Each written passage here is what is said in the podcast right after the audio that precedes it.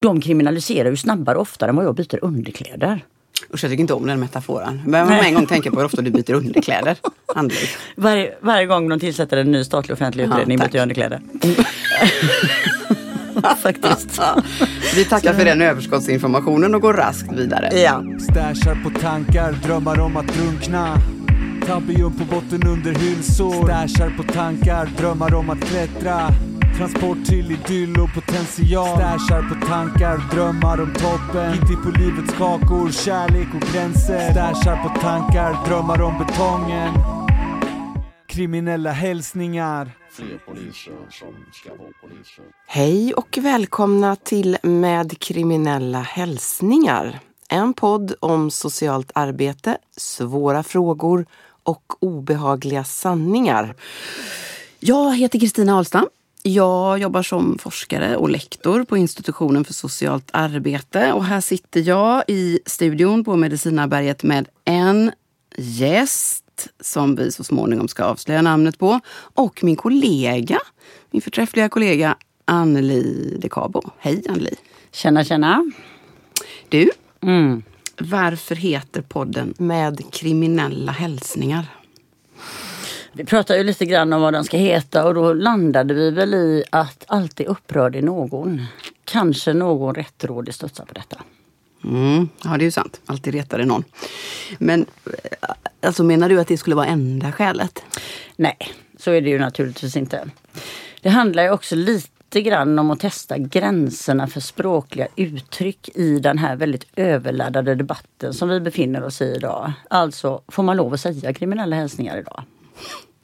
Och den heter ju också podden som inte väjer för obekväma samhällsfrågor. Just det. Mm. Och den här podden kommer från institutionen för socialt arbete vid, universitet, vid Göteborgs universitet där vi arbetar. Men vi vänder oss inte i första hand till våra forskarkollegor utan vi vänder väl oss till alla som är intresserade av samhällsfrågor. Helt enkelt. Ja, det gör vi.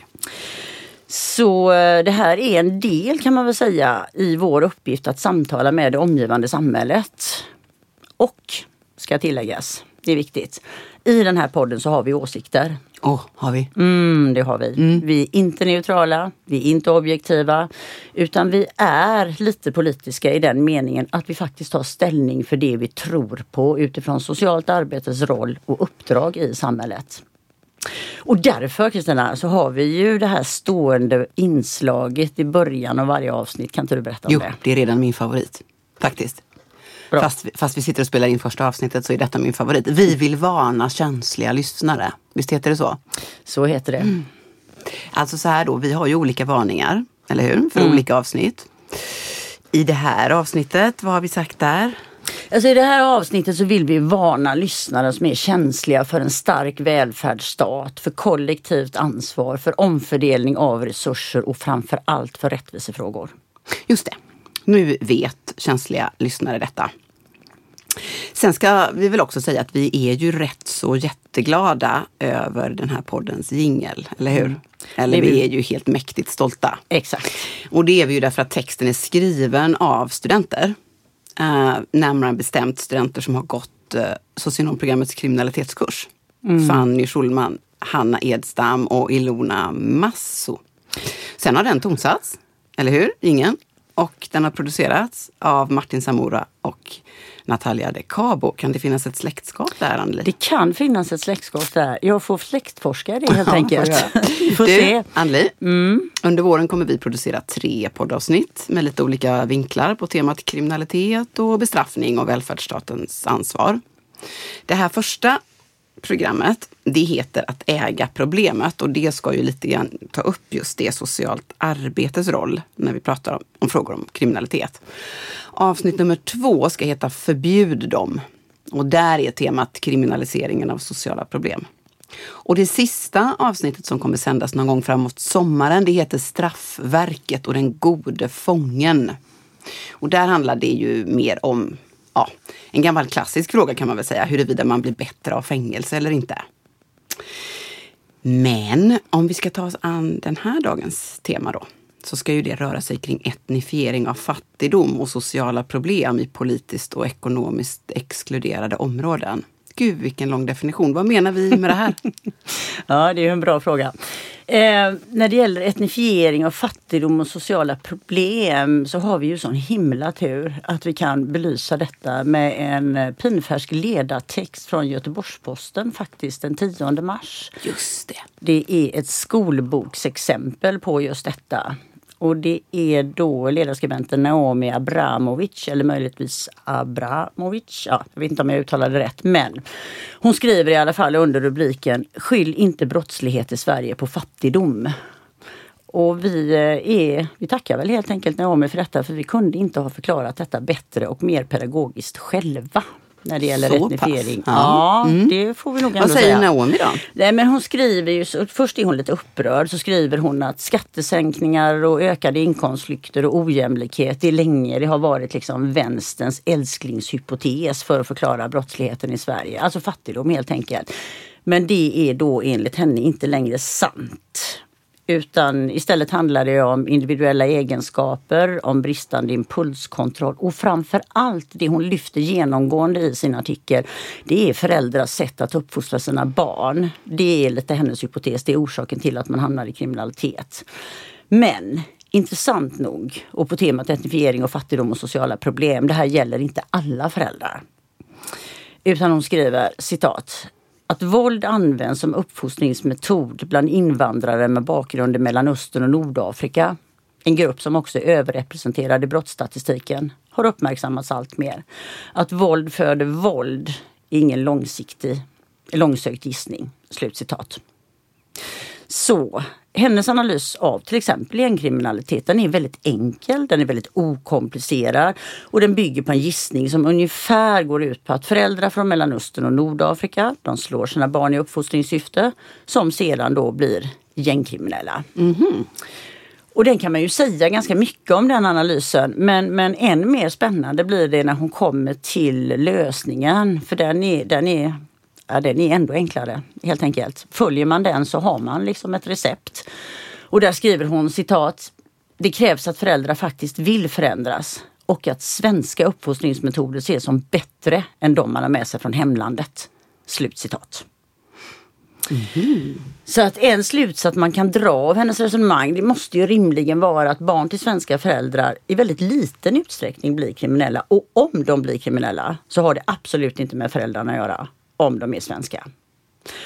Och hennes resonemang är från början, från första bokstaven till sista punkten ett utmärkt exempel på etnifiering av fattigdom och sociala problem.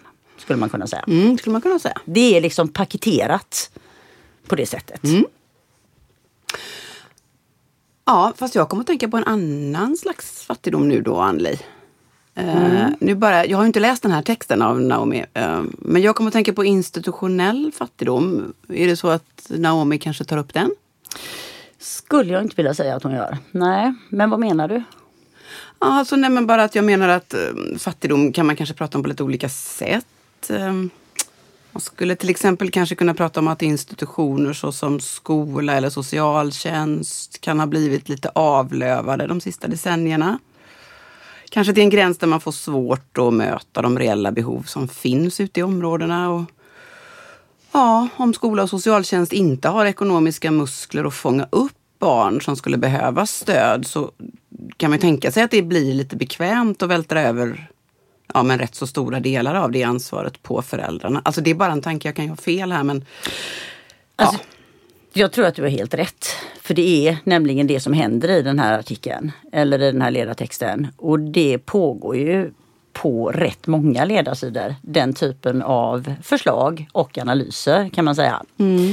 Eh, Men sen nämnde du politiskt och ekonomiskt exkluderade områden och det vill vi ju prata lite extra om. Kärt barn har ju många namn kan man säga, eller brukar man säga. Och områden kallas ju för förorter, särskilt utsatta områden, segregerade områden, utanförskapsområden och framförallt polisen benämner ju vissa stadsdelar som särskilt utsatta områden. Ja, det. Och det som är spännande där det är ju att polisen säger att de kännetecknas av just socioekonomisk status, alltså låg socioekonomisk status. Det som enligt GP då var helt ointressant för brottsligheten. Och där kan man ju säga också att tycker kanske ändå att polisen har lite mer djuplodande analyser än vissa ledarskribenter. Då har det gått långt. Nej, jag bara Ja. skojar. Men eh, problemet med alla de här benämningarna det är ju att de förlägger ju skulden för sociala problem i själva området kan man säga. Och Ja, det är just ju, det. Ja, och det är ju inte riktigt sant. Alltså invånare i exkluderade områden de utsätter ju snarare för problem som någon annan orsakar. Till exempel den repressiva politiken som många ledarskribenter i GP förespråkar. Därför så har vi ju sagt så här Kristina att i den här podden så pratar vi istället om vissa stadsdelar som ekonomiskt och politiskt exkluderade eller utestängda, bortprioriterade av centrumstadsdelar där den politiska och ekonomiska makten koncentreras kan man väl säga. Och det betyder ju också då, för det här får ju effekter, verkliga effekter Vilka då? För människors liv. Nej, men att man i de här politiskt och ekonomiskt exkluderade stadsdelarna, man har inte samma chans att tjäna en anständig månadslön. Man har inte samma chans att hitta bostäder med tillräckligt utrymme, slippa diskriminering. Eller, det är ju rätt stor skillnader i livslängd och hälsa om man jämför med invånare i mer välmående stadsdelar. Och det är ju väldigt allvarligt. Just det. Ehm, så om man ska, skulle summera det här då så skulle man kunna säga att det är rätt så viktigt att komma ihåg eh, att det här i grund och botten ändå måste sägas handla om fattigdom. Alltså det betyder ju egentligen att det handlar om klassposition. Men man kanske också ska påminna om att det idag är så att, att, att individer med vissa etniciteter allra främst hamnar i de här positionerna. Så när man, när man pratar om etnifiering av fattigdom så är det det man menar. Och i de här områdena så blir dessutom framförallt vissa nationaliteter betraktade som problematiska. Då. Men, men jag måste ändå liksom återknyta Mm, Eller så är det bara jag som är förvirrad. Varför sitter du och jag och pratar om det här nu då? Så roligt att säga att vi är förvirrade för det är väl vårt vanliga tillstånd. Ja, ja, ja. Så vi ska se om vi kan Till reda här. ut. Ja, precis. Ja. Någonting av den här förvirringen kanske vi kan reda ut. Alltså, det är ju också så framför allt så pratar vi om detta för att vi utbildar framtida socialarbetare och vi vill ju gärna att de ska kunna något annat än att arbeta med svenska uppfostringsmetoder. För vi tror ju inte riktigt att svenskhet är ett universalvaccin mot kriminalitet. Jo, jag tror det. För vi skulle kunna till exempel exportera. Vi skulle kunna vaccinera hela världen med svenskhet och då kanske vi skulle... Det kanske faktiskt är ett universalbot mot kriminalitet. Nej men då där skulle man kunna tänka sig om vi gjorde det worldwide.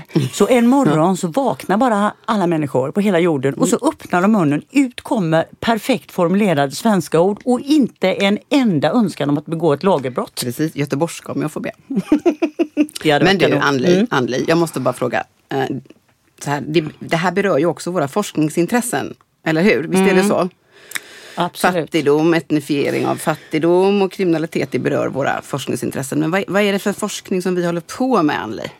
Alltså, jag är ju främst intresserad av hur sociala problem växer fram och hur sociala problem definieras, alltså definitionsprocessen, hur det definieras av olika aktörer och inte minst vilka lösningar som föreslås. Till exempel, tror man att man kan straffa bort sociala problem eller vill man föreslå lösningar inom ramen för socialt arbete? Alltså väldigt ofta gör man ju båda delarna, men det är lite sådana saker som jag funderar på i min forskning. Just det. Vad är det jag forskar på då? Ska jag säga det? Ja, det ska du säga för jag orkar inte. Jo, men du har väl forskat på brottspreventiva stra- strategier om jag inte minns fel. Och så har du forskat en hel del om vägen in och ut i det som brukar kallas för gängkriminalitet. Japp, bra. Då var läxförhöret slut. Eller? Vi säger Du, så. mm, så här. Varför ska socialt arbete överhuvudtaget adressera frågor om kriminalitet? Och, och, och varför ska vi göra det just nu? Alltså den främsta anledningen är väl att social, alltså socialt arbete och social, socialhögskolorna utnämns i det som har kommit att kallas för, eh, kallas för Tidöavtalet som viktiga institutioner som ska komma till rätta med kriminalitet som samhällsproblem. Och ska vi göra det, då behöver vi äga problemet. Ja, det är ju sant. Fast då vill ju vän av ordning invända att socialt arbete ju faktiskt redan har jobbat med frågor om kriminalitet ganska så långt före Tidöavtalet såg dagens ljus. Och nu kommer jag plötsligt att tänka på någonting som jag läste i ens... Det måste ha varit en studie för 10-15 år sedan kan det ha varit kanske. Kan det ha varit från Okej. Austria. Kanske, nej, Australia kanske. Skitsamma, det var en forskargrupp i alla fall. Jag tror det var arkeologer. De hade gjort någon typ av utgrävning var det väl och så hade de hittat bevis tror jag för att redan neandertalarna skrev Tidöavtal eller något sånt. Men är det sant? Nej, nej, nej. Nej, nej, det är inte sant. Fast det är rätt upprörande ändå tycker jag om man tänker på det. Alltså det, ja, jag håller med dig, det har du rätt i. Och nu när du säger det så kommer jag att tänka på någonting, det här med historiska kopplingar. Just det, alltså Tidöpartierna. Eh, alltså jag tänker så här att din historiska koppling kanske inte är helt fel. Även om den inte är helt Inte sann. helt sann, nej. nej. Men Fast sann för mig. Ja, Ja, mm. Ja. exakt. exakt. Eh, nej men jag tänker på det här senaste förslaget om att familjer ska kunna vräkas om deras barn begår brott. Ja, utifrån, ja, det är ju underbart. Utifrån argumentet att föräldraansvaret måste skär- skärpas. Och det lanserar man ju lite grann då som en, eller inte lite grann, man lanserar det som en brottsförebyggande åtgärd, säger Tidöpartierna. Och de säger också att tryggheten i samhället börjar och slutar med familjen. Så familjen är den eh, enskilt viktigaste enheten här kan man säga. Och här, jag vet inte hur du tänker, men här undrar man ju lite hur alla vräkta föräldrar med barn som har begått brott ska kunna ta sin, sitt föräldraansvar i hemlöshet. Alltså det verkar vara en ganska dålig lösning på problemet. Och inte är det något nytt. Nej, jag tänkte också säga det, det är ju ingen nyhet va? Nej, alltså föräldraansvaret, det här är ju jätteintressant, men det kan vi hitta redan i en svensk förordning från 1741. Och då handlar det om att stävja ungdomars användning av tobak. Och redan där står det att om föräldrar genom flathet och försummelse misslyckades då med det här att stävja tobaksbruket så skulle de straffas såsom brottsliga. Så det här paradigmskiftet som Tidöpartierna pratar om, det kan ju omöjligt syfta på framtiden tänker jag. Alltså det verkar istället vara en väldigt skarp gir ett par hundra år tillbaka i tiden. Och här sitter jag och snusar. Dina föräldrar kanske Ska vi var ringa mina åldrade föräldrar? Kan de stämmas retroaktivt kanske? Mm. Flathet. Man vet ju inte. Mm. Flathet och försummelse. Precis. Ser man vad det Jag resulterar är i? den första att skriva under på det. Nej, vi ska inte tala om min barndom här. Vi ska ju prata om kriminalitet. Vad det är för slags Mm. problem, eller hur? Ja, eh, men är det ett problem överhuvudtaget? Vad menar du? Det är klart att det inte är bra med kriminalitet. Nej, det ska vi inte ha. Nej, Eller ska vi det? vad menar du? Alltså jag menar lite grann, hur skulle ett samhälle se ut om det inte fanns någon som helst kriminalitet överhuvudtaget? Kriminalitet var helt okänt. Är det ett önskesamhälle? Nu förstår jag vad du menar. Nej, det är inget önskesamhälle. Eftersom om vi ska uppnå ett sådant samhälle som är då helt, eh, ja, men helt hygieniskt eh, fritt från kriminalitet så skulle ju det innebära Ja, i alla fall skulle det innebära långtgående övervakning av medborgarna. Så det skulle ju inte vara ett demokratiskt samhälle. Alltså, men bortsett från det så är det väl klart att alltså, kriminalitet är ju ett allvarligt samhällsproblem. Du och jag är ju knappast här för att relativisera det. Och de skjutningar som vi har sett de sista åren får man väl ändå rubricera som katastrofala. Dels för de som, som drabbas av, av, av själva skjutningarna och för deras närstående, men lika mycket för det omgivande samhället. Alltså, det där som vi brukar kalla för gängkriminalitet urholkar ju närsamhällen och det slår sönder grannskap och slår de drabbades liv i spillror, orsakar helt ofattbar sorg. Och sen, om man ska vara lite krass, ganska så stora samhällsekonomiska kostnader. Om man tänker vårdinsatser och sjukskrivningar och PTSD-behandlingar, rehabilitering ja, och så vidare närmast i all oändlighet. Men, men, men vad som är värre är väl att det också säger någonting rätt så problematiskt om oss som, som samhälle. Alltså att unga människor, eller om man ska vara exakt att barn skjuter ihjäl andra barn medan andra som har ansvar för samhällets utveckling är publik. Det är ganska allvarligt. Mm. Alltså när du säger det på det sättet så tänker jag egentligen om man sätter sig ner på sin rumpa och funderar lite grann så är det förbaskat svårt att förstå att vi inte har gjort halt redan. Att vi inte bara stannar upp all verksamhet och faktiskt tar in att barn skjuter barn som du säger. Att barn blir offer för kulor och dör i fredstid i ett välmående samhälle som Sverige 2023. Och jag vet inte hur du tänker men kanske är det så att lite grann så liknar det här den inställningen som vi har till klimatkatastrofen. Alltså på samma sätt som klimatkatastrofen så vittnar i någon mån gängkriminaliteten och skjutningarna om att vi behöver strukturera om, eh, strukturera om hela samhället på ett ganska så radikalt sätt, tänker jag Kristina. Ja, precis. Alltså, jag tycker, jag, jag tycker på sätt och vis att det, så kan man lämnas ibland med känslan av att eller med frågan varför gör vi inte det då? då? Beror det på att vi egentligen inte vill?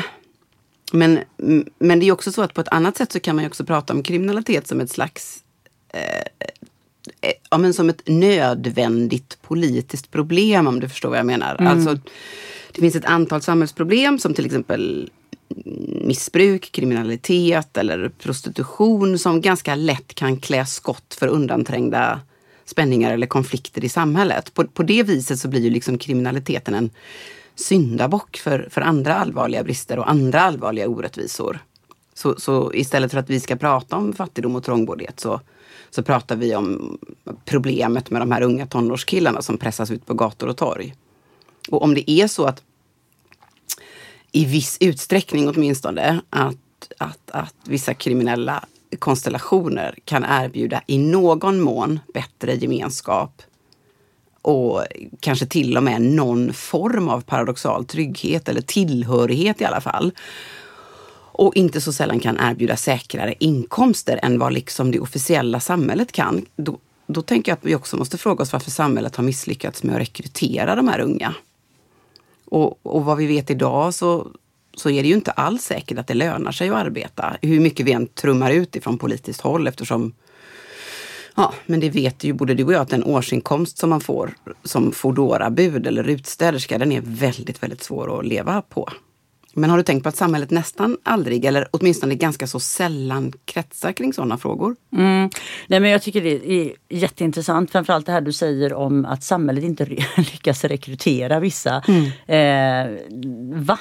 Vad är det som händer? Eh, det är ju jättespännande att tänka i de banorna tänker jag. Eh, och sen så tänker jag också på en annan sak nu när du säger det. Alltså det som man ofta, nu ska vi komma åt bidragsfuskarna. Folk ska minsann inte låta till sig och gå på försörjningsstöd och så vidare och så vidare. Alltså det är inte transfereringarna, a-kassa, sjukpeng eller försörjningsstöd som är för höga. Utan i väldigt många fall så är det lönerna som är för låga och på något sätt så har vi skapat en arbetsmarknad för underklassen där lönerna inte går att leva på. Och man kanske skulle till och med kunna gå så långt som att säga att vi har en institutionaliserad arbetskraftsexploatering som särskilt drabbar vissa grupper faktiskt. Men den typen av förklaringar, de är, de, de är ju inte politiskt säljbara. De är inte så gångbara idag. nej, Nej, de går inte hem. Nej. Det skulle vara politiskt självmord att säga något sådant. de är inte känsla catchy. Nej, precis. Nej, de är inte catchy. Och det är absolut inte det här starka, kraftiga, nu tar vi krafttag, nu höjer vi straffen, nu låser vi in alla. Så. Eh, Så den typen av förklaringar verkar inte politiker vilja tala om överhuvudtaget. Alltså precis som du säger, de vill inte prata om vad man tjänar som Foodora-bud eller utstäderska eller Uberförare. Så. Alltså man pratar mycket hellre om gängen, narkotikahandeln, arga unga män i Canada Goose-jackor med invandrarbakgrund. Ja, men vad bra. Då har vi satt scenen, eller hur? Mm, det tycker jag nog. Om man då ska sätta kriminalitet i ett samtida perspektiv, det ska vi också göra med hjälp av vår inbjudna gäst som alldeles strax ska få komma in på banan. Men innan dess så ska vi väl också bara lägga till lite kort att kriminaliteten, på, vi har pratat om att den liksom har etnifierats i någon mening, men den har ju också politiserats, eller hur? Mm, absolut. Alltså vad menar vi då med politisering? Vad då, vad då politisering av kriminalitet? Alltså frågor om kriminalitet har ju i någon mening alltid varit politiska. Alltså det har nästan alltid rått tvister om orsaker och vilka de bästa lösningarna är i olika läger. Men ju högre upp kriminalitet kommer på den politiska dag- dagordningen så blir den också partipolitisk. Och ett modernt exempel Kristina, det är ju med hjälp av kriminalitet vinner man val. Det gör man. Det gjorde man sist. Exakt, precis den varelsen vi precis har lämnat. Jag menar det var inte jättemycket fokus på artdöden trots att den långsiktigt är mycket, ett mycket, mycket större hot Men mot var det inte väldigt mycket fokus på brister i äldreomsorgen då? Nej, det var ju Var inte det. inte Och det. det är ju helt obegripligt med tanke på att vi, nästan alldeles nyss har gått ut en pandemi men som du- bristbelyste Ja, ja, ja. brister i äldreomsorgen. Men var det inte jättemycket fokus på stora barngrupper i förskola då? Inte heller Inte det heller var ett politiskt intresse. Men vad fokuserade alls. man på då? Nej men det var ju skjutningar. Och det är ju, nej men alltså, någonstans också så här, skjutningarna är ju jätteallvarliga. De är dödliga, det är ett stort samhällsproblem. Men förslagen som har lagts har ju inte visat sig och kommer inte att visa sig dämpa gängkriminalitet överhuvudtaget. Alltså jag tänker också Ja, Socialdemokratiska arbetarpartiet, om de inte ska byta namn, men de heter så fortfarande. De har ju gett Mr Lag och ordning ett ansikte ända sedan 2014. Så, och de kriminaliserar ju snabbare och oftare än vad jag byter underkläder. Usch, jag tycker inte om den metaforen. Men man en gång tänka på hur ofta du byter underkläder. Varje, varje gång de tillsätter en ny statlig offentlig Ja, utredning tack. byter jag underkläder. Faktiskt. Vi tackar för den överskottsinformationen och går raskt vidare. Ja.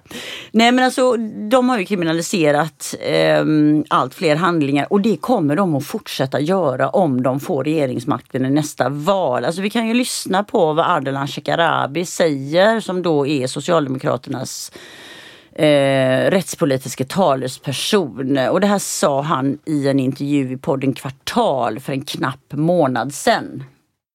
Eh, vi lever ju, får man säga, i ett slags paradigmskifte på det här området. Från en ganska stark betoning på brottslighetens orsaker och övertygelse om att hårdare straff egentligen inte hjälper. Eh, så ligger fokus nu ganska tungt på de repressiva åtgärderna. Mer och längre fängelsestraff, tuffare tag, fler verktyg för polisen. Inte minst mot bakgrund av att du är juristutbildad. Hur upplever du det vi är inne i nu? Jag tycker det bekräftar väl tesen om att Sverige inte är landet lagom. Utan vi hoppar mellan extremer på alla politikområden. Så var det ju i skolan. Vi var ett av få länder i västvärlden som inte hade några alternativa inslag eh, i vår skolverksamhet. Och så plötsligt så blev vi enda landet som, som släppte in kommersiella aktörer i offentligt finansierad skola. Så var det i migrationspolitiken. Hopp verkligen mellan extremer. Och nu är det ytterligare ett politikområde där vi liksom lämnar eh, 60, 70 och 80-talens eh, väldigt eh, liberala, socialt betonade syn på, kriminalpolitik eh, till att inta faktiskt en, en, en, en, ett förhållningssätt som, som är eh, tämligen repressivt också i jämförelse med många jämförbara länder. Och var står du där då? Jag, jag ser behovet av, av en starkare repressiv stat eh, och, och skärpta straff. Eh, och och eh, större befogenheter för polisen och det är ju liksom en utveckling. Ja, det var alltså Socialdemokraternas rättspolitiska talesperson och han kommer ju eventuellt bli vår nya justitieminister via ett regeringsskifte. Så jag vet inte, Socialdemokraterna kanske man inte ska lägga sin röst på om man tror på en starkare välfärdsstat, tänker jag. Sen kan man väl också säga, jag vet inte hur du tänker kring det Kristina, vi har pratat lite om det, men alltså som ett enande politiskt projekt så fungerar den här typen av problem alldeles utmärkt. Det blir liksom, det blir politikens goda fiende. Alltså nästan, nästan, ska jag inte säga alla, men nästan alla riksdagspartier är överens. Mm, precis. Precis, för när vi, när vi pratade om kriminalitet under valdebatterna då får man ju säga att det var en särskild sorts kriminalitet som vi pratade om. Uh, vi pratade lustigt nog inte alls om white collar crime, alltså ekonomiska brott som begås av mer ja, men resursstarka eller privilegierade grupper. Och det gjorde vi inte trots att en enda kriminell handling av det slaget kan kosta skattebetalarna uppemot 400 miljoner kronor. Så ja, det betyder ju kort och gott att det bara är viss kriminalitet som är politiskt lönsam att lyfta fram. Ja. Gud. Ja, nu har jag pratat länge, men du, Mm. du skulle säga någonting. Nej, nu kommer jag ihåg. Nu kommer jag ihåg, vi har glömt vår gäst. Oj, Oförlåtligt. Det var inte bra. Oförlåtligt. Förlåt Andreas. just det. Nej men för i det här programmet så ska vi, vi ska ju stanna lite grann vid frågan om både etnifiering och fattigdom med hjälp av en inbjuden gäst. Och ändå pratar vi bara själva. Hur självförälskat är det här? Ja. Vi Nej. skärper oss till nästa Mm, program. Det gör vi. Men eh, så vi säger välkommen till dig, eh, Andreas Wetterberg. Ja, tack. Ehm, Jag trodde jag var inbjuden som eh, publik, men jag fick säga något. Det var du också. Det var du. Det var du faktiskt. Nu drog du ner brallorna på oss, men Anneli har ju bytt underkläder, eller hur? Ja. Precis, Mm, alldeles bra. nyligen faktiskt. Tack. Så eh, du är enhetschef i Social Nordost här i Göteborg. Ja, Och stämmer. du har också tillbringat ganska många år av ditt yrkesverksamma liv i Göteborgs östra stadsdelar. Ja, framförallt Angered har jag ägnat mycket tid i. Kan du berätta lite om din bakgrund och vad du gör? Eh, ja, nu är jag som sagt då enhetschef för en verksamhet som heter Ung Angered. Jag fuskar lite som vikarie också som enhetschef för vår systerverksamhet som heter Ung Öst. Eh, där vi jobbar med eh, insatser eh, för ungdomar och familjer där man finns en oro eller för en kriminalitet eh, eller att man är lever ett kriminellt liv och vill ha hjälp att lämna det. Mm. Viktigt tänker jag. Men du, jag är lite intresserad. Hur gör du när du fuskar som enhetschef? Jaha, eh, ja, men jag är lite temporärt inne. Eh, du får fråga medarbetarna. Eh, Vi de har dem i nästa program, Ja. Andreas. Allihopa faktiskt. Mm, utvärderingar. Ja. Du stackars Andreas, vi ska börja det här samtalet med en rivstart. Eh, och den är du inblandad i. Mhm. Om vi går tillbaka lite till vår inledning, vår extremt långa inledning, så handlade den ju lite om etnifiering av fattigdom eller eh, etnifiering av klass om man så vill. Hur skulle du säga att det rimmar eller inte rimmar med dina erfarenheter från ditt jobb? Jo, det rimmar väl eh, väldigt bra det ert samtal här hittills. Eh, jag tycker just nu så är det lite fokus på också den här, ni lyfte ledarartikeln där i, i GP eh, som väl bottnar i, misstänker jag, en eh, rapport från Brå som släpptes här i mars. Som då är beställd, framgår väldigt tydligt, av regeringen. Tidögänget. Ehm, jag antar att det inkluderar även då Sverigedemokraterna i, i beställarunderlaget. Man kan Eh, anta det. Det gör det. Ja. Eh, och där man då väldigt tydligt vill, eh, som syftet med rapporten är att slå hål då på att det skulle finnas socioekonomiska faktorer som kan vara bakomliggande kriminalitet. Eh, vilket ju är ett intressant syfte eh, att leta efter, efter det. Det, går, det är väl ett tecken i tiden. Även DN hade ju en gästkrönika på, på ämnet där man då i rapporten så kan man då självklart, skulle jag tänka innan jag läste den, inte slå fast att det är ett totalt kausalt samband. Alla som lever i fattigdom blir inte kriminella. Så då har man ju istället försökt hitta andra förklaringsmodeller och så har man landat i det här med uppfostran och att man utsätts för våld hemma i uppfostringssyfte. Att det skulle vara en förklaringsmodell. Det är ju inget som slår fast i rapporten att det skulle absolut vara så, men det har man hittat här då, då när man ja, man kanske tänker att det är en förklaringsmodell som, som på något sätt gillas då av vissa. Eh, det blir bara en tankevurpa tycker jag därför att om alla som blev utsatta för uppfostringsvåld hemma blev gängkriminella, då skulle ju alla födda innan 70, 1970 någonstans i Sverige vara fullfjädrade gängkriminella. Jag till exempel. Vi har en här, ser lite suspekt ut. Ja, Men... du vet ju. En till här faktiskt. Gudskelov ska inte det här handla om oss. Nej, men du, det måste jag bara säga en sak jätteintressant eh, det du lyfter Andreas. Sen tänker jag också på den här diskussionen om, alltså som fanns tidigt 30, 40-tal, 50-tal, ligapojkarna. Alltså det här med gäng är ju ingenting nytt. Nej, det har ju alltid, det har alltid funnits. Eh, och det, det är ju klart att om du hamnar, hamnar, om du upplever dig stå utanför samhället på något sätt, du får inte riktigt fäste, det går inte så bra och du kanske inte heller har de bästa förutsättningarna på olika, av olika anledningar. Det är klart att istället för att stå alldeles själv i det eh, så är det väl rimligt att man går ihop med andra i liknande situation eller man söker en känsla av sammanhang. Eh, och det är ganska lätt att, att finna det då i utanförskapet. Vi har ju haft, som du säger, ligapojkarna. Det har ju funnits i alla samhällen, kommer alltid att finnas också. Det kommer vi aldrig, jag vet inte ens om vi vill. Nej, det var ju lite grann det vi, ja. ja. precis, det var lite det vi var inne på. Är det ens önskvärt? Nej. Att vi Och skulle rensa ut. Och vi hade mc-gängen innan och vi har haft eh, ja, men alla möjliga typer av som kriminella gängkonstellationer. Så det är ju verkligen inget nytt fenomen. Det vi kanske kan se är att vi har skapat ett samhälle där fler hamnar utanför. Där, där vi ser förorterna nu, där, där fler söker någon form av sammanhang. Eh, tillhörighet, värde kanske. Och, då, och då blir det ett större samhällsproblem. Sen så kan man väl krasst säga att det var väl ingen som riktigt såg det som ett så stort samhällsproblem innan man började det började bli fara för, för tredje man så att säga, när man skjuter och kanske inte alltid träffar. Man kanske inte alltid står i sitt bostadsområde och skjuter, man kanske inte alltid träffar den man siktar på. Och då har det ju blivit ett samhällsproblem.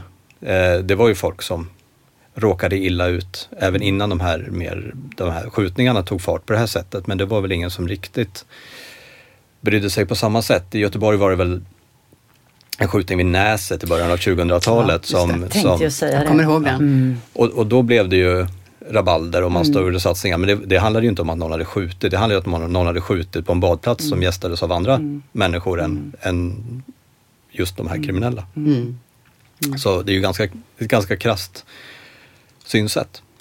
Eh, och nu, det är ju, man försöker ju nu, tycker jag väldigt mycket, hitta förklaringsmodeller som, som Tack och lov så är, är det ju fortfarande inte okej att säga att eh, lägga det på kultur helt och hållet eller hudfärg. Men det, känns ju lite grann som att det jobbas på det. Att få säga vad man egentligen tänker från det här hållet då. Eh, och istället så hittar man förklaringsmodeller som man ändå kan lägga på så att säga, förorten då, och de som bor där. Ehm, så det, det är väl lite obehagligt kan jag tycka som har lagt som, eller som, som verkar och har lagt Ja, för jag tänker så här, du har ju varit, alltså, du har ju varit, ändå får man säga förhållandevis ganska många år i ett och samma område som liksom är präglat av ungefärligen samma typer av problem. Sen kan det ju fluktuera liksom så över åren, men jag menar det är ju hyfsat samma typer av sociala problem man ser. Ja, ja. Och, och det är ungefärligen samma slags fattigdom som man ser. Om, om, om du skulle liksom summera de här åren och din erfarenhet. Om du fick liksom, ja men nu får du bestämma vad, hur ska vi förklara eh, organiserad kriminalitet i den form som vi ser nu. Hur skulle du vilja förklara den? Ja, men som du är inne på så har ju, jag har verkat i Angered just i 15 år ungefär. Och det är väldigt, det är väldigt lite skillnad i grundproblematik från första dagen jag var där tills, tills nu. Att det, det, är, ehm, ja då, det, det man inte får säga nu, men det, det, det finns ju mer fattigdom. Relativ fat- fattigdom. Eh, och ett utanförskap som har att göra med utbildningsbakgrund, språk, förutsättningar när man kommer till ett nytt land barn som växer upp och ser eh, att, sin, att deras föräldrar inte har värdesatts i det, i det här landet. Eh, de känner sig utanför med all rätt eh, på det sättet och har mycket sämre möjligheter. Och det är klart att då kanske man inte älskar det landet fullt ut heller. Skulle, skulle nog inte jag heller göra. Eh, så det här, och det här har ju fått växa till sig under, under väldigt lång tid. Där eh, även om en viss upprustning under åren har skett i, i förorten så är det ju att man, man putsar ju fasaderna. Eh, och det bygger något nytt hus sådär. Men det finns ju ingen verklig ambition av att, av att ändra förhållandena. Istället nu så har vi väl det är väl känslan jag har att från att vi har släppt olika rapporter som belyser ojämlikheten, bland annat den här skillnaden i livslängd beroende på var man bor och sjukdomar och andra faktorer så gick man ju 2014 kanske var, jag kommer inte ihåg exakt, men då efter första rapporten så då var det ju en stor grej i stan och nu skulle vi verkligen ta krafttag och det här skulle minsann rådas bot på. Släpper man en ny rapport ett par år senare, det visar sig att vi hade gått åt fel håll, det har blivit ännu värre. Och där någonstans så upplever jag att man gav upp. Det, var, det, det krävdes inget ansvar. Varför har vi inte lyckats? Vilket man sa första gången. Om vi inte har lyckats så ska vi avkräva ansvar. Sen insåg väl de som sa så att fan det är ju kanske jag som hade ansvaret. så då var det inte lika käckt längre att avkräva det. Så då började man istället prata om dumhet. Alltså små, man, gjorde, man gör små, små, små, små saker som inte kommer att ha någon effekt på riktigt. Men det kanske kan tysta kritiker, det kanske kan få de som bor där att, att inte bli riktigt så arga. Ungefär Är, är, det, skademinimering. är, är det lite det du menar när du säger, när du använder uttrycket eh, putsa fasaden? Mm. Kan, kan du specificera lite vad du menar med det? Vad, vad är det man gör när man, när man putsar fasader i de här områdena? Hur Ja, kan man- det se ut? Man gör ju exakt, man putsar ju fasaderna. Ja. Det är ganska Ja, det exakt. gör man ju bokstavligt. Eh, Men, nej, men det handlar om att eh, kommer inte ihåg vad det termen är, men det finns ju en term för det också som är att man renoverar billigt så att säga. Att man gör ytliga kosmetiska ingrepp i olika hus. Alltså att man målar om, man snyggar till balkonger, eh, man sätt, planterar lite växter och, och sådär. Nu tänker jag lite grann på den här fantastiska teorin Broken Windows. Mm. Som man körde i New York på eh, 90-talet. Där man skickade in squads i olika bostadsområden. Det var ren rasprofilering. Mm, Eh, men fick liksom inte vara inget taggande, ingen graffiti, inget. För det skulle då senare leda till mord. Man Mm, börjar med en graffitimålning och sen ja. Eh, den typen av orsakssamband. Men eh, om jag förstår dig rätt Andreas, är det så att man eh, på en politisk nivå egentligen struntar i vissa områden? Oj, vilken känslig fråga. Ja. Eh, men eh, Jag kan formulera om den. nej, jag får väl jag kan svara runt den tänkte jag säga. Nej men kan man inte, för jag tänker på det, för, för som, som jag förstår det här du pratar om när man ser resultatet av rapporten, eller rättare sagt man ser ett uteblivet resultat. Och så är det svårt att då liksom bedöma vem ska ställas till ansvar för det här. Ska någon ställas till ansvar? Tänk om det är jag som ska ställas till ansvar. Kan man tala om att någon typ av abdikation har ägt rum? Att vi har abdikerat från problemet? Att vi inte längre riktigt hyser uppfattningen att det går att lösa och då måste man istället sköta problemet om du förstår vad jag menar. Ja, men så är det. Alltså, vi måste ju göra uppoffringar. Och jag tror det är där det blir så politiskt Vilka är svårt. vi eh, Andreas? Alltså samhället. mm, okej. Alla vi skattebetalare. Måste, om vi ska lösa det här så, måste, så kommer det även att drabba oss i det här rummet och alla andra skattebetalare lite grann. Mm. Nu pratar jag lite grann. Vi kommer fortfarande att kunna dricka vin till På spåret på fredagarna. Så det, det kommer lösa sig. Måste man Men- se På spåret Andreas i Nej. ditt eh, drömsamhälle? Nej, så länge man... Måste man dricka vin kanske? Tänkte. Nej, Eh, nej det, det måste man nämligen. Eh, nej, men eh, uppoffringen är liten men det blir väldigt svårt att ha råd med allt och göra alla glada. Och ska vi då på riktigt göra någonting åt det här problemet så kommer det att kosta. Det kommer att kosta jättemycket pengar. För vi behöver, vi behöver bygga nytt. Vi behöver en, en orsak till den här inlåsningen, vad man ska kalla det för, i, förorten när man då har hamnat där. För det är ju inte så attraktiva lägenheter, det är svårt att byta sig till någonting annat. Det är som ni var inne på, det är svårare att få jobb som, som eh, finansierar att komma in på bostadsmarknaden. Det är sämre skolor, det är svårare för barnen att i sin tur komma in på arbetsmarknaden och få bra välbetalda jobb. Eh, Så allt är så mycket svårare. Eh, Och eh, då är det ju så att miljonprojekten är ju också de lägenheterna som är tillräckligt stora för att ha flera barn. Eh, Ja, nu vet jag att man vill att man ska prata, vad heter det, familjeplanering. Men eh, eh, också. Men, Just otroligt osympatisk kan jag tycka. Men eh, om vi nu tänker istället på hur problemet ser ut eh, så är det så att, eller problemet, hur det faktiskt ser ut så är det många som bor i förorten som har många barn. Det är trångbott. Och då har det svårt att byta. Du kan inte byta en femma mot en tvåa för då, då har man ju inte plats. Vi har ju också, det vet vi också, en, en anledning till att många hänger ute i större utsträckning i förortsområden är just trångboddhet. Då söker man sig till offentliga miljöer och andra ställen där man får plats då, fritidsgårdar. Så vi måste ju ha, man måste ju ha möjlighet att bosätta sig på andra ställen och där saknas det ju politisk vilja. Och det handlar väl krast och hemskt nog tror jag om att eh, vissa vill inte ha vissa människor som sina grannar. Det är inte så politiskt gångbart att driva den. För det hade ju varit, alla pratar integration. Det hade väl varit rimligt då att vi integreras. Och det skulle vi kunna lösa bara genom att möjliggöra bostäder. Men då får du ju någon sån frukostbordsrasist som blir jättesur hemma. Eh, knyter näven i fickan och skriver något på kommentarsfältet på GP. Och då vill man, då tänker man, då kommer inte de att rösta på oss. Och, och då struntar man i det. Eh, och, och det är väl så det är väldigt mycket. Vi kan inte ha en arenastad kanske. Vem fan, Nej, vem fan har efterfrågat det? Nej. Men samt, samtidigt som eh, vi ska göra en jättesatsning på det här. Vi kanske inte heller kan gräva upp hela jävla Göteborg eh, för att bygga överallt hela tiden. Men det blir också väldigt tråkigt, för jag vet inte, politiker verkar tycka att det är roligare att få ett, ett hus som monument efter sig än eh, att, alltså att eliminera, försöka göra någonting åt problem. Det kanske man inte minns för på samma sätt, jag vet inte. Eh, Är det, är det som att, eh, alltså, Har vi någon slags ängslig politikerklass som är upptagen av att tillfredsställa en föreställd eh, argsint medelklass? Absolut. För jag tänker lite grann på det du säger. Det kommer att kosta, säger du, mycket. Men utslaget på alla eh, så blir det inte så mycket. Vi kommer fortfarande, superlite. ja, just det. Vi kommer fortfarande kunna dricka vin till eh, På spåret. Jag ser På spåret. Eller något annat Eller något annat program. Yes. Eller, eller Men- något annat. Precis, nej men där tänker jag, för tycker det är intressant det du säger för där kan man ju också då prata om eh, kollektivt ansvar.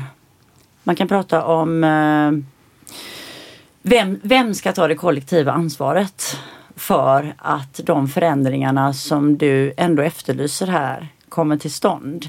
Om vi nu inte ska prata om politiker som negligerar problemen eller eh, på något sätt skriver ner dem från dagordningen. Okej, vi kan prata om en ab- abdikation av problemet för all del. Men det här med att någon, någon, någon någonstans och någon gång kanske måste göras ansvarig. Så tänker jag lite grann, vad är det som gör att vi inte kan lansera en kollektiv lösning? Nej men det, det är väl, det är väl, jag vet inte, det var en dålig liknelse jag tänkte dra mig till med men Ta den ändå. Ja, nej, men jag kommer ihåg när man gick i skolan och så hade man någon regel där att om inte läraren kom inom en kvart så kunde man gå. Just det, jag Och minns där, jag var en av de som hade järnkoll på att nu drar vi allihopa. Men det stod alltid några jävla kvar och förstörde alltihopa. eh, så Kan han vi hitta dem som, nu? Som han väntade in eh, Ja. läraren. Och sen så åkte man på frånvaron. Ja. Eh, och det här är lite, alltså det kommer ju aldrig funka för att det finns väldigt, i kollektivet kommer det finnas en hel del som inte ställer upp på det. Nej. Som inte vill och som kommer att göra protest. Och tyvärr så är det väl de som, lå, alltså de som har mest röst, det är de som inte vill göra det här kollektiva. Det är de som också styr agendan. Det är de eh, som är ekonomiskt de starkaste i samhället. De vill tydligen, de vill inte göra uppoffringar. Alltså nu det finns säkert undantag. Det finns säkert toppenmänniskor med där också. Men, Naturligtvis. Men om jag bara får backa bandet lite grann. Nu känner jag mig som en ordningsman här. Ehm, tänk om jag var den där hemska som stod där och väntade på läraren. Det vet vi ju inte. Ehm, en kvissling. Jag bara tänker så här, tillbaka till eh, det här avsnittets titel. Att äga problemet. Att socialt arbete äger en del av den här problematiken och som Anneli påpekade ju har arbetat med frågor kring kriminalitet väldigt långt före vi såg ett Tidöavtal.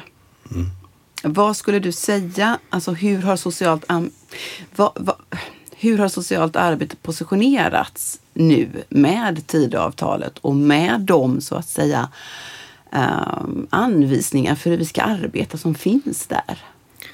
Det har ju inte skett några jätteförändringar på de här månaderna utan det här är ju en successiv förskjutning som har skett under väldigt lång tid. Jag tänker det började ju för, jag vet inte exakt när, men jag har jobbat i dryga 20 år, eh, oklart hur gammal jag är, men, eh, eh, men eh, eh, med socialt arbete. Och eh, under den tiden så har det ju skett en förskjutning från den här liksom, flummiga socialtjänsten där vi var gränslösa, eller jag var inte med på den tiden, men där, där det var svårt att skilja, man skulle inte egentligen kunna skilja klient från, från socialarbetare. Man var ett. Det, det fick inte vara någon, någon skillnad, man var, man var hemma hos folk och, och man skulle nästan samleva med människor. Alltså det, det, var, det var inte bra. Det blev tokigt på andra sätt. Men då hade man, man byggde väldigt mycket också på känsla. Man, man hade en känsla för klienterna, man ville hjälpa på riktigt. Och det här, det blir ju ofta så, alltså antingen eller. Istället för att tänka att det fanns positiva saker här, så tänkte man så här, men det här blev för gränslöst och konstigt. Det här måste vi göra någonting åt. Så har man förskjutit sig från det här under lång, en massa år till att vi har blivit totalprofessionaliserade. Mm. Vad betyder det att ha blivit total, total professionaliserad? Men vi har ju flyttat in, socialtjänsten och socialförvaltningarna har flyttat in på kontor. Vi har blivit väldigt många. Eh, jätte, jättemånga är vi. Eh, och vi alla sitter, med några få undantag, min verksamhet, ett undantag, vill jag få in, få in då. Eh, sitter på kontor, utreder. Eh, det har blivit ett hantverk, alltså man är, man är ju mer av en eh, byråkrat.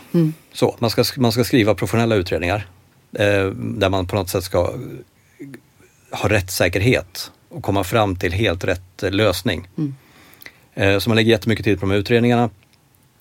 man är nästan aldrig ute och träffar liksom de man är till för. Man är inte ute i bostadsområdena, man är inte hemma hos folk i den utsträckning. Man förstår, man vet inte hur folk har det, hur, vilka förutsättningar lever folk i? Hur ser det ut på torget efter klockan sex på kvällen? Vad, vad växer de här barnen upp i ungdomarna? Det har vi tagit bort. Eh, och sen har vi styckat av socialförvaltningarna till jättemånga små, små bitar där vi har, vi har ekonomiskt bistånd, men då har vi också ålderskategoriserat. Vi har också beroende på vilken problematik man kanske har. Kanske vara att man är långsiktigt sjukskriven eller att man är eh, nära arbetsmarknaden. Alltså det finns jättemycket avstyckningar i det här och för att inte tala om som jobbar med barn och unga.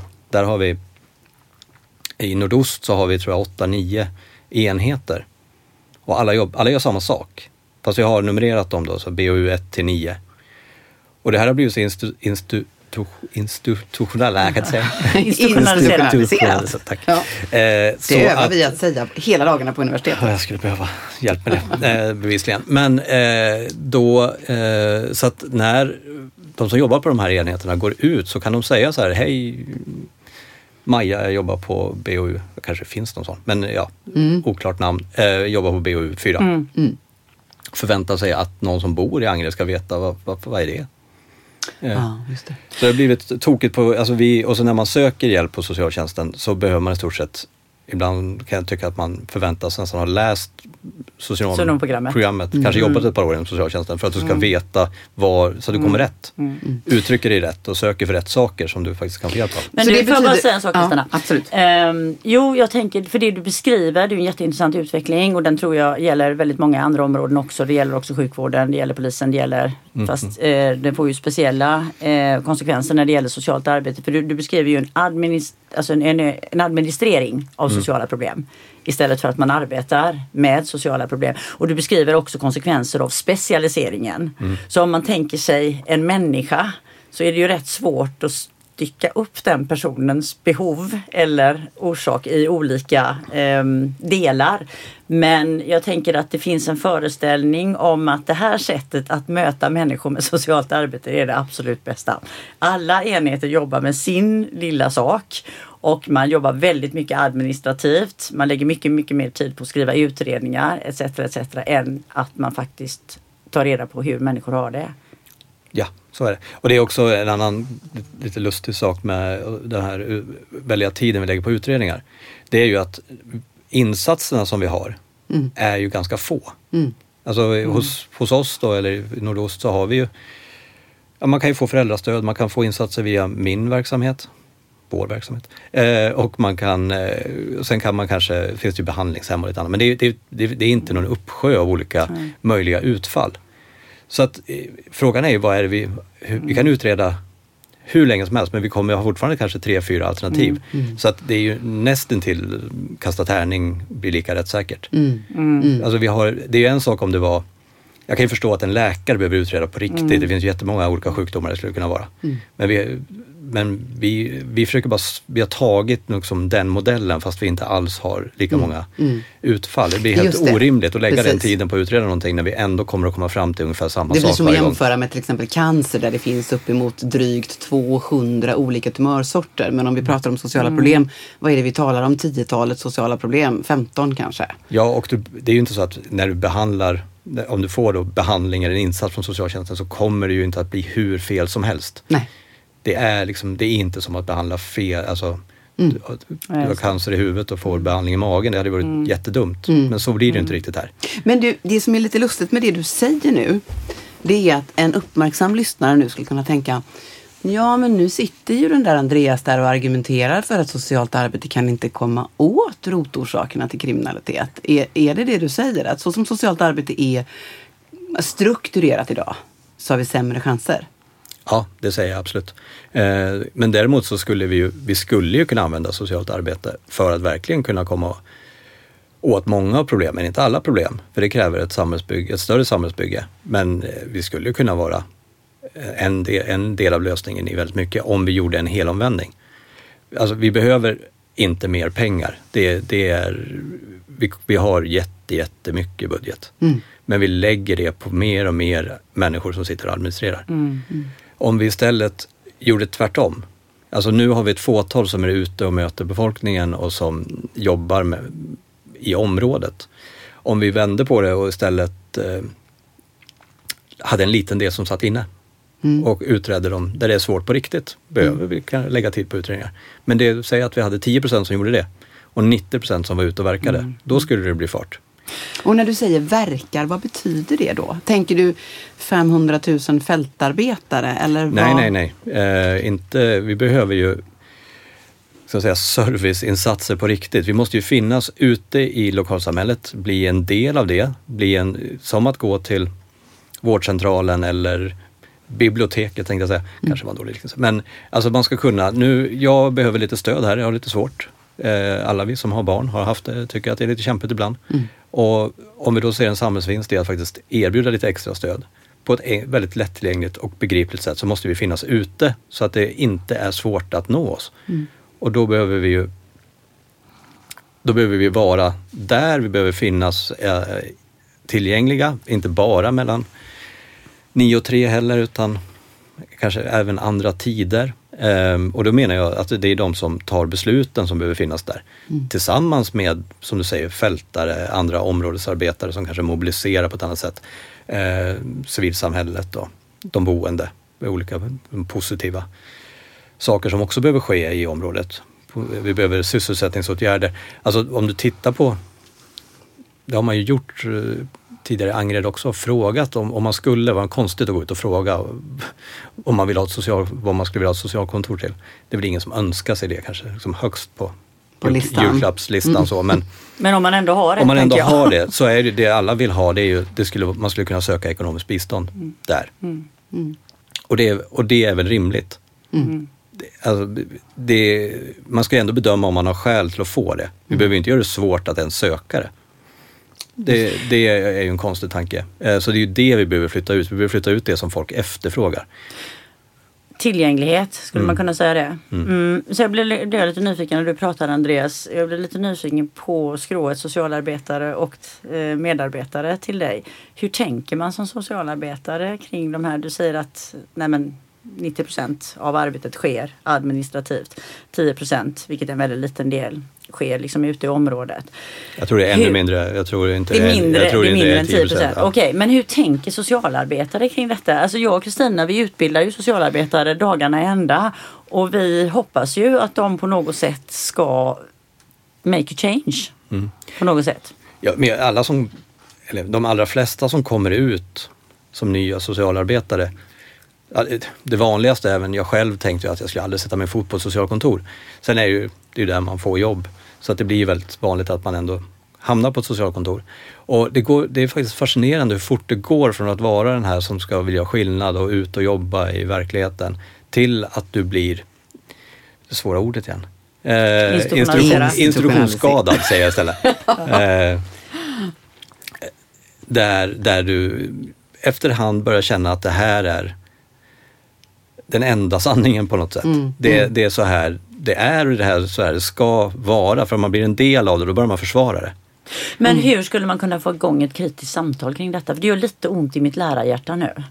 Vi lägger ändå ganska många timmar åt att eh, undervisa framtida socialarbetare. Ja, men det är ju att, att behålla den känslan som man har innan man går, lämnar er så att säga.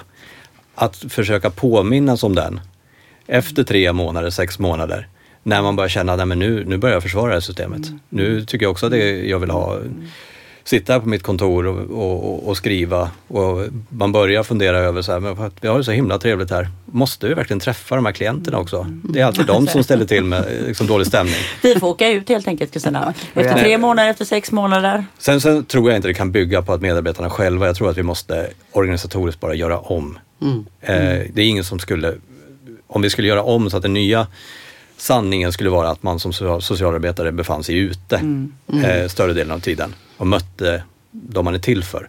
Så skulle ju det bli helt naturligt. Mer naturligt, tror jag. Man blir som den institution inom vilken man verkar helt enkelt. Ja. Ja, men du Andreas, alltså eh, nu har ju vi då, eller och du och vi suttit här och pratat om liksom den ideala, den ideala organiseringen av socialt arbete. Som då skulle vara att man befann sig närmare människor i deras vardag och att man kunde leverera service på plats. och vara lite tillgänglig. Om vi som kontrast tittar på de lösningar som nu förordas för att ja, men komma till rätta med gängkriminalitet. Och nu tänker jag bara på sånt där som slopad ungdomsrabatt eller eh, ja, vrä- vrä- vräkning av, av familjer som har kriminella barn. Hur, hur ser du på de här eh, alltså insatsförslagen? Nej, men utan att utvärdera dem så, så vi, det är ju ingen lösning på gängkriminalitet. För att Ja, men om du tar slopad ungdomsrabatt eh, så är det så att det är, det är ju inte så att man ska ta bara de gängkriminella ungdomarna eh, som, som också kanske har fått ett par chanser och blivit lite äldre. Det är ju inte så att man har så här totalt riktat det dit utan det kommer ju vara ungdomsrabatt. Eller slopad för alla ungdomar. Vilket ju är helt eh, fascinerande. Och det är fascinerande också att den, den här, jag ska inte raljera för mycket, men kriminologisk då, forskning tycker jag är lite fascinerande att de ofta säger att vi har ingen aning, vi har ingen förklaringsmodell för någonting. Då undrar man ju vad det är för slags vetenskap. För att men, det vet vi väl ändå att ungdomar begår mer brott eh, än vad äldre personer gör. Och det är en gammal kriminologisk sanning Ja, faktiskt. och de allra flesta ungdomar gör det en enstaka, någon enstaka gång. Sen blir det vanligt folk av dem också. I, jag tror vi allra flest, de allra flesta av oss har gjort dumheter som ungdomar. Det, det liksom hör ju till. Om man då ska låsas in för någon relativ dumhet jättelänge och också då ha den uppförsbacken att du har det här straffregistret, du har missat flera år kanske eh, av en väldigt viktig tid i livet, då kommer vi ju få fler som är gängkriminella. Det, alltså, det är bara att titta på, vi gillar att titta på USA annars, men just när man ser konsekvenserna av hårdare tag och hårdare, hårdare straff så verkar vi helt blinda.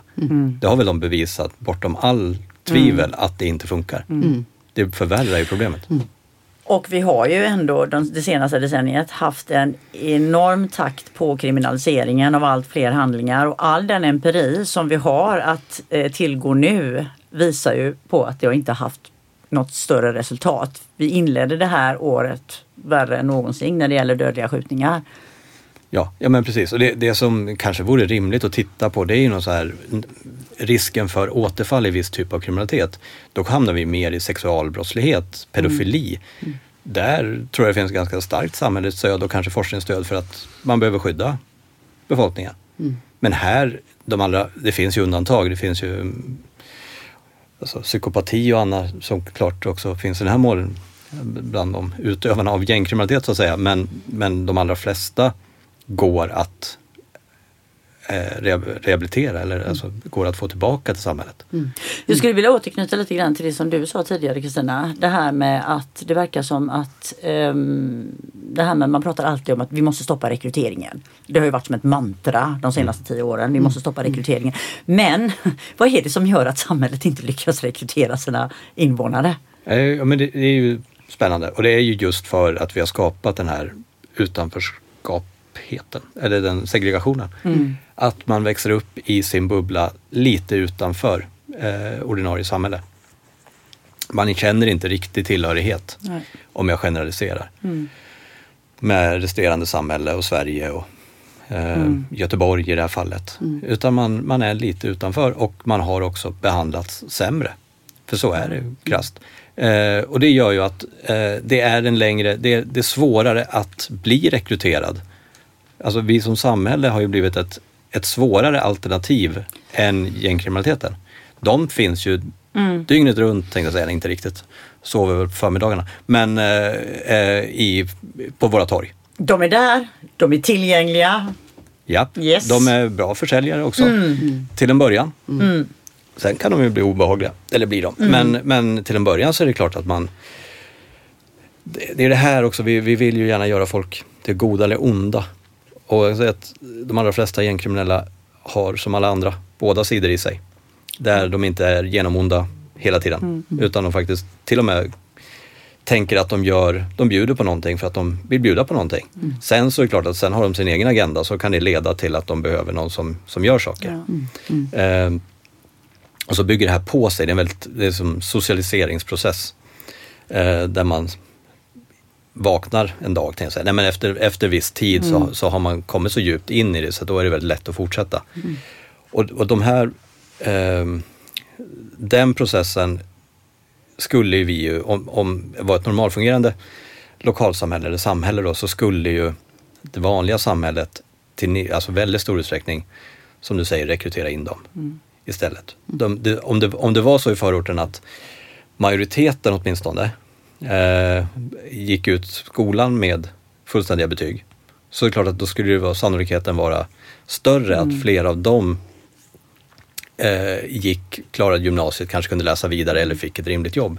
Men eftersom att nu har majoriteten som inte går ut med fullständiga betyg, vilket är helt galet, eh, så är det klart att då blir ju också ehm, det är svårt, det är ju väldigt, väldigt svårt då att få ett rimligt jobb som leder vidare, som gör att man blir etablerad i samhället. Det var bra att du ledde in det på skolan. För jag tänker att, att när man pratar om de här frågorna så är det ju i huvudsak liksom tre agenter eller tre myndighetstyper man brukar prata om. Man pratar om repressiva insatser via polis eller fängelser eller liknande.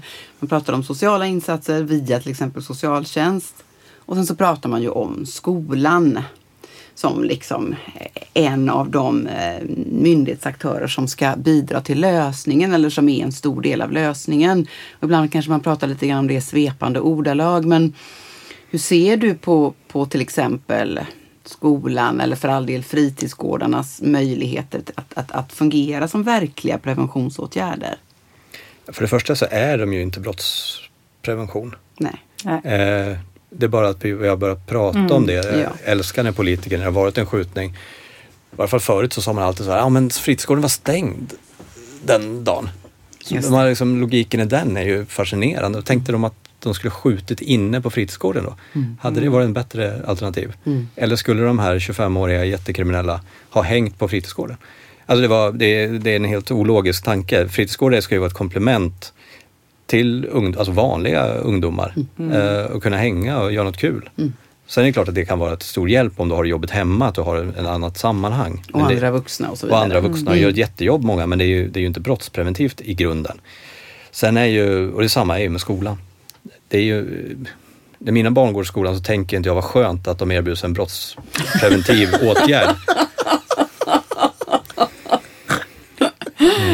Nej, det har faktiskt, så har jag faktiskt inte heller tänkt när jag skickat iväg dem. Nej. Nej, för de flesta gör ju inte det. Men eh, det är, sen, är ju, det är, sen är det ju så att det är viktigt, skolan kanske är allra viktigast att den fungerar eftersom att det är ju, de spenderar, man spenderar ju som barn väldigt mycket tid i skolan. Det är ju en, den, ens arbetsplats och då måste ju den fungera och den ska ju också då både, man ska lära sig massa saker. Vi fokuserar väldigt mycket, jag själv hamnar i det också om man bara pratar om betyg, men tanken är också att man ska lära sig massa saker. Ehm, och, eh, och att man sen, att det lärandet i sin tur ska leda till att man antingen vill lära sig ännu mer och studera vidare eller att man får ett jobb. Eh, och det är väl det här som inte funkar längre, det systemet har blivit rubbat. Där, där man inte kan få jobb. Sen finns det ju av, tyvärr fortfarande av rasistiska orsaker svår, svårigheter att få jobb när man har ett visst efternamn och ser ut på ett visst sätt.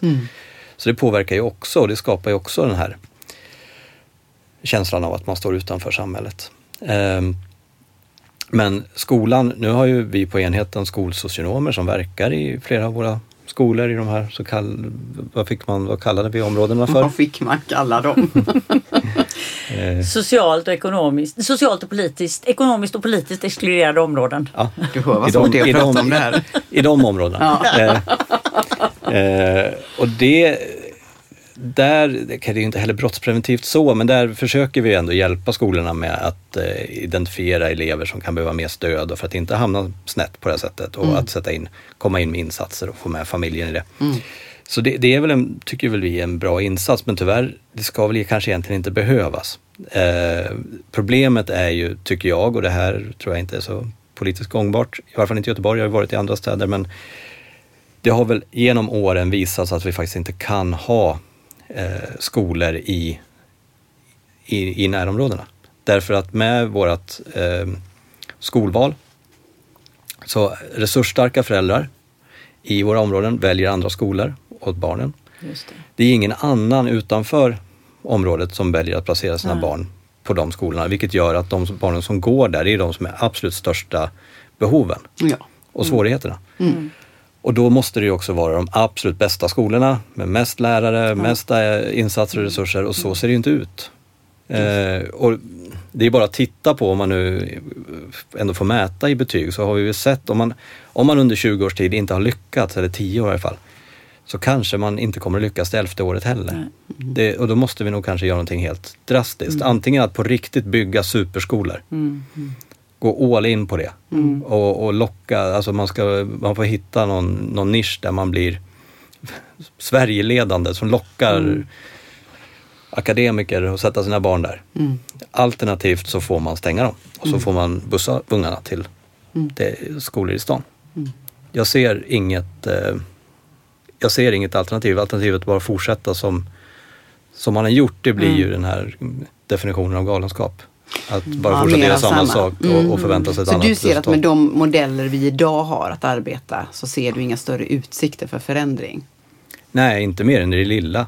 Vi, vi jobbar ju från individ till individ och är glada om vi lyckas med ja, var, varje enskild ärende om man kan göra någon förändring. Mm. Och i det så kan man ju se resultat. Men på det stora hela så, ser vi, så, är, så kommer vi inte att, att lyckas, lyckas på det här sättet. Det kommer, vi är alldeles för få och det är alldeles för stora utmaningar för att vi ska kunna vända den stora utvecklingen. Mm. Mm.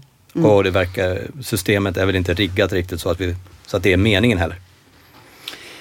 Du Andreas, ehm, vi har pratat jättelänge nu. Ehm, vi är ju såklart helt förkrossade över att behöva runda av här, eller hur Anneli? Det är vi verkligen. Det var jättespännande. Jag måste bara kommentera det här. Det var så fruktansvärt uppfriskande. Jag vet att vi håller på att runda av nu, men det var så uppfriskande Andreas när du säger skolan är ingen brottspreventiv verksamhet. Det är både uppfriskande och viktigt att komma ihåg. Precis. Yes. På, när man åker på konferens som forskare så brukar man ju alltid uppmanas att eh, leverera en take away point, eller hur? Och det kan väl få vara det? Kan du säga det igen Andreas? Skolan är... Skolan är ingen brottspreventiv insats. Exakt. Hörru du, Andreas, tusen tack för att du kom hit. Um, om vi ska summera upp väldigt snabbt, Anneli, så kan man väl säga att eh, i det här avsnittet så kanske vi mest har pratat om mm, den typen av kriminalitet som, mm, som man kanske kan associera med någon typ av så här, gatans kriminalitet. Alltså vi har ju inte berört den delen av, av organiserad kriminalitet eller gängkriminalitet som befinner sig högre upp i näringskedjan. Nej. De som så att säga aldrig kommer i närheten av varken skjutningar eller hanterandet av vapen eller narkotikaförsäljning. De som sitter väldigt tryggt och väldigt säkert ganska långt bort ifrån de här verksamheterna. Ehm, det är väl bra att peka ut det. Vi har liksom pratat lite grann om hantlangarna längre ner i, det här, i den här näringskedjan. Ja, och framförallt så har vi pratat om socialt arbetes uppgift och roll. Mm. Det har vi gjort. Och svårigheter, Och svårigheter. som socialt arbete Ja. har. Och de svårigheterna kanske inte helt och hållet täcks av Tidöavtalets skrivningar. Ska vi våga säga det? Att vi inte riktigt tror att Tidöavtalet kommer att lösa den typen av problematik som Andreas här har skisserat. Nej precis och sen tänker jag också att det lägger ju också utifrån det du har berättat Andreas. ehm, så tänker jag att det ställs mycket större krav på oss som institution som utbildar socialarbetare. Om vi vill nå en förändring och det måste man ju naturligtvis göra i samverkan med fältet. Vi behöver prata om de här sakerna. Vad gör socialt arbete? Vad ska socialt arbete göra? Och varför ska socialt arbete göra vissa saker? Men vad bra att vi är här då Anneli, för att vi har ju jag ett vet. program till som kommer eh, om inte allt för länge, eller ett avsnitt till som heter Förbjud dem och som handlar om kriminaliseringen av sociala problem. Vet du vem vi ska gästas av då? Det vet du ju redan, det var ju en retorisk fråga. Du Det vet jag ju. Ja, det är Daniel Åman som jobbar på Räddningsmissionen bland annat med uppsökande verksamhet. Mm. Och de är ju ute mycket. Precis. Eh, ska vi eh, gå mot slutet? Ska Det vi citera jag. vår, vår gode vän? Det tycker jag. det? Ja, gör, Mm. gör du det Kristina? Min och Annelies eh, gode vän och eh, Det är, också, idol. det är också ett tips Ja, det är också ett tips kan man väl säga. i den här för lyssnarna. Ja. tiden. Mm. Yes. Så ska vi återvända till vår idol. Mm. Kan vi väl ändå kalla honom. Tv-deckaren Baretta. Kommer du ihåg honom Andreas? Jajamän. Något av en sakkunskap i många frågor som rör kriminalitet. Och han säger Eller hur? väldigt klokt. Han säger väldigt klokt Don't do the crime if you can't do the time. Vi ses i nästa avsnitt. Hej då! Hej då! Stashar på tankar, drömmar om att drunkna Tabium på botten under hylsor Stashar på tankar, drömmar om att klättra Transport till idyll och potential Stashar på tankar, drömmar om toppen Gitti på livets kakor, kärlek och gränser Stashar på tankar, drömmar om betongen Kriminella hälsningar Fler poliser som ska vara poliser. Eh, men också tuffare straff.